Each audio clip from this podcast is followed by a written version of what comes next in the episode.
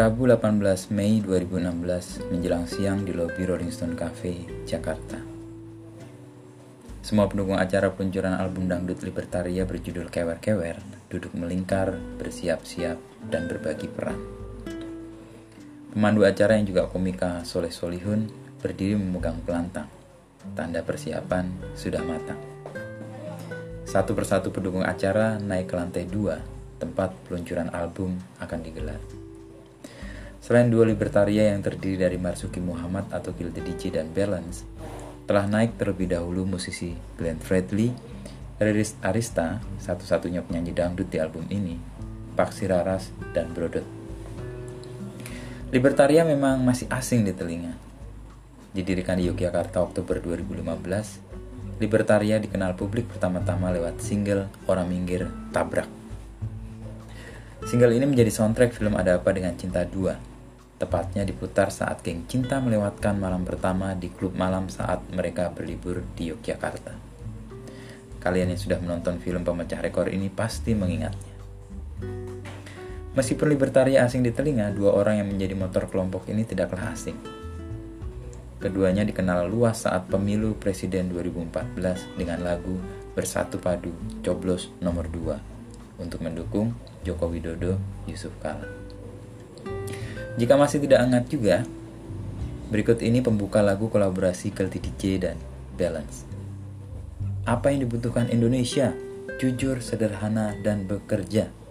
Ayo kawan dukung Jokowi Kala, bersatu padu, coblos nomor 2. Begitu kira-kira. Tetapi jika tetap tidak ingat juga, tidak mengapa. Melupakan atau mengabaikan peristiwa-peristiwa politik di Indonesia adalah pilihan yang tidak salah. Terlebih, tak banyak peristiwa politik yang membanggakan dan patut diingat juga. Justru sebaliknya, lebih banyak tersedia. Kembali ke Libertaria yang meluncurkan album dangdut kewer-kewer yang didukung kolaborasi 10 musisi. Dengan bekal dikenal saat Pilpres 2014, Soleh lancar memperkenalkan Gilda DJ.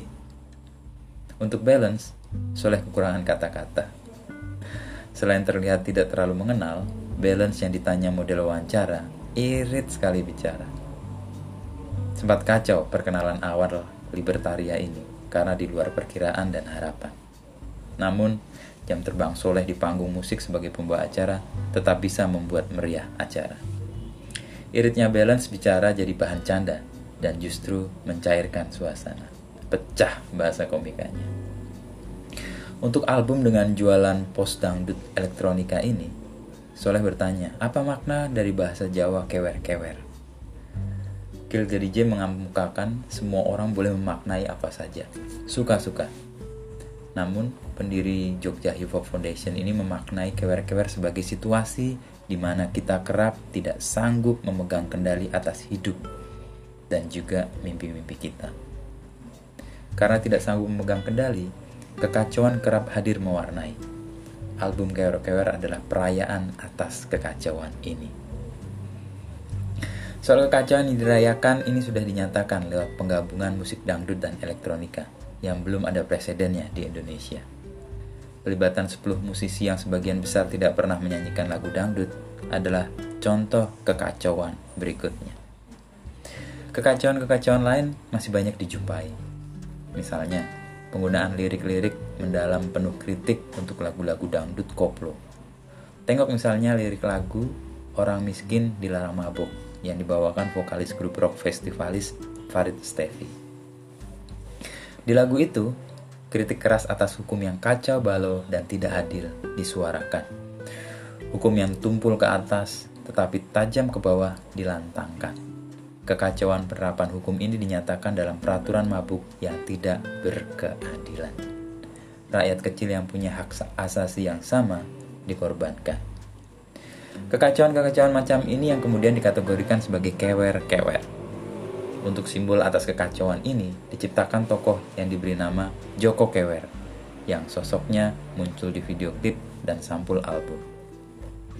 Kekewer-keweran Joko Kewer tampil dalam bentuk kemeja merah compang-camping, tetapi rapi dimasukkan. Kemeja merah compang-camping itu melambai-lambai saat tertiup angin. Joko Kewer memakai peci hitam, tetapi tangan kirinya memegang botol minuman keras. Kewer-kewer banget, alias kacau. Namun dalam situasi kewer-kewer di banyak segi kehidupan juga kehidupan bernegara, kewarasan tetap harus dijaga. Setidaknya itu yang tertangkap dari keterlibatan Grand Fledley yang menyanyikan lagu Teruslah Bekerja. Seperti dinyatakan Kill the DJ, Glenn juga tidak puas dengan pemerintahan yang dalam pemilu presiden 2014 mereka dukung habis-habisan. Ada kekecewaan karena beberapa harapan yang diperjuangkan bersama tidak bisa diwujudkan. Padahal pemerintahan Jokowi sudah hampir dua tahun berjalan.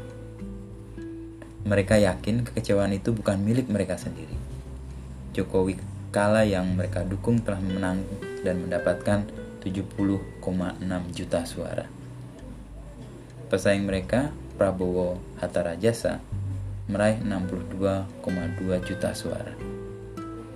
Kepada mereka yang kecewa karena harapan dan mimpi indah tentang negara tidak mewujud, Glenn bernyanyi dan mengajak para pendengarnya bergoyang dengan syair yang menurut saya sangat berbahaya.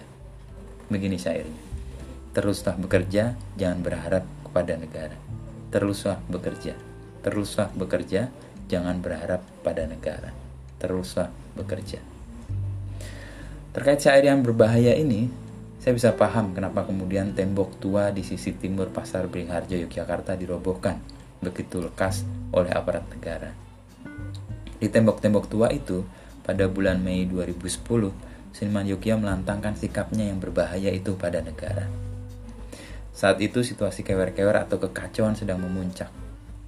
Negara tengah disandra kasus korupsi maha besar yang melibatkan bendahara umum sekretaris dan ketua Partai Demokrat.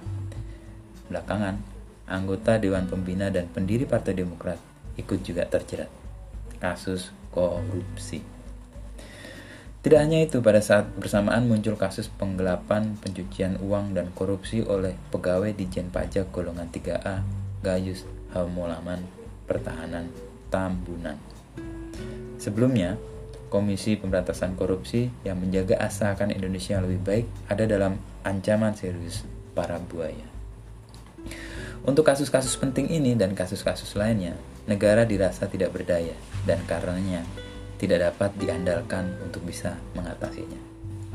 Situasi seperti ini yang mengantar para seniman di Yogyakarta menghias tembok-tembok di kota mereka dengan mural dan pesan yang berbahaya. Pesan moral tunggal yaitu ajakan untuk terus bekerja, jangan berharap pada negara. Empat tahun kemudian, pemimpin negara yang mengecewakan dan tidak mereka harapkan itu tidak lagi berkibar. Partai pendukungnya mendapat hukuman setimpal lewat menyusut tajamnya perolehan suara. Mereka yang terbukti korupsi mendekam di penjara. Padahal setahun sebelumnya, kemenangannya disambut dengan gegap gempita dibangga-banggakan dan dirayakan oleh mereka yang sebagian kini mendekam di penjara. Kini pesan yang sama disuarakan lagi dengan media berbeda yaitu musik dangdut yang bisa diunduh gratis tentu saja dan di mana saja. Media ini menurut saya lebih berbahaya karena tidak bisa dirobohkan penguasa atau aparat negara seperti mural di tembok-tembok tua kota kita. Untuk meluaskan kesadaran akan kekacauan atau situasi kewer-kewer di negara ini, sedang disiapkan rangkaian tur di sepanjang Pantura Jawa dan daerah-daerah sekitarnya. Jika tidak bentrok dengan agenda lainnya, Grand Fredly akan bergabung bernyanyi di tempat-tempat yang akan mereka lewati. Banyak cara untuk menyatakan kecewa. Libertaria bersama 10 musisi menyatakannya dengan kewer-kewer yang membungkus kritik mereka kepada situasi saat ini dan negara. Sementara mengkritik, mereka tetap terus bekerja. Kerja akan membebaskan mereka dari kecewa. Negara saat ini dirasa tidak cukup memadai menjalankan perannya, meskipun semuanya sama bahkan diulang sampai tiga. Kerja, kerja, kerja. Mungkin negara dan para penyelenggaranya juga kecewa. Mungkin juga kecewanya lipat tiga kerja, kerja, kerja. Kecewa, kecewa, kecewa.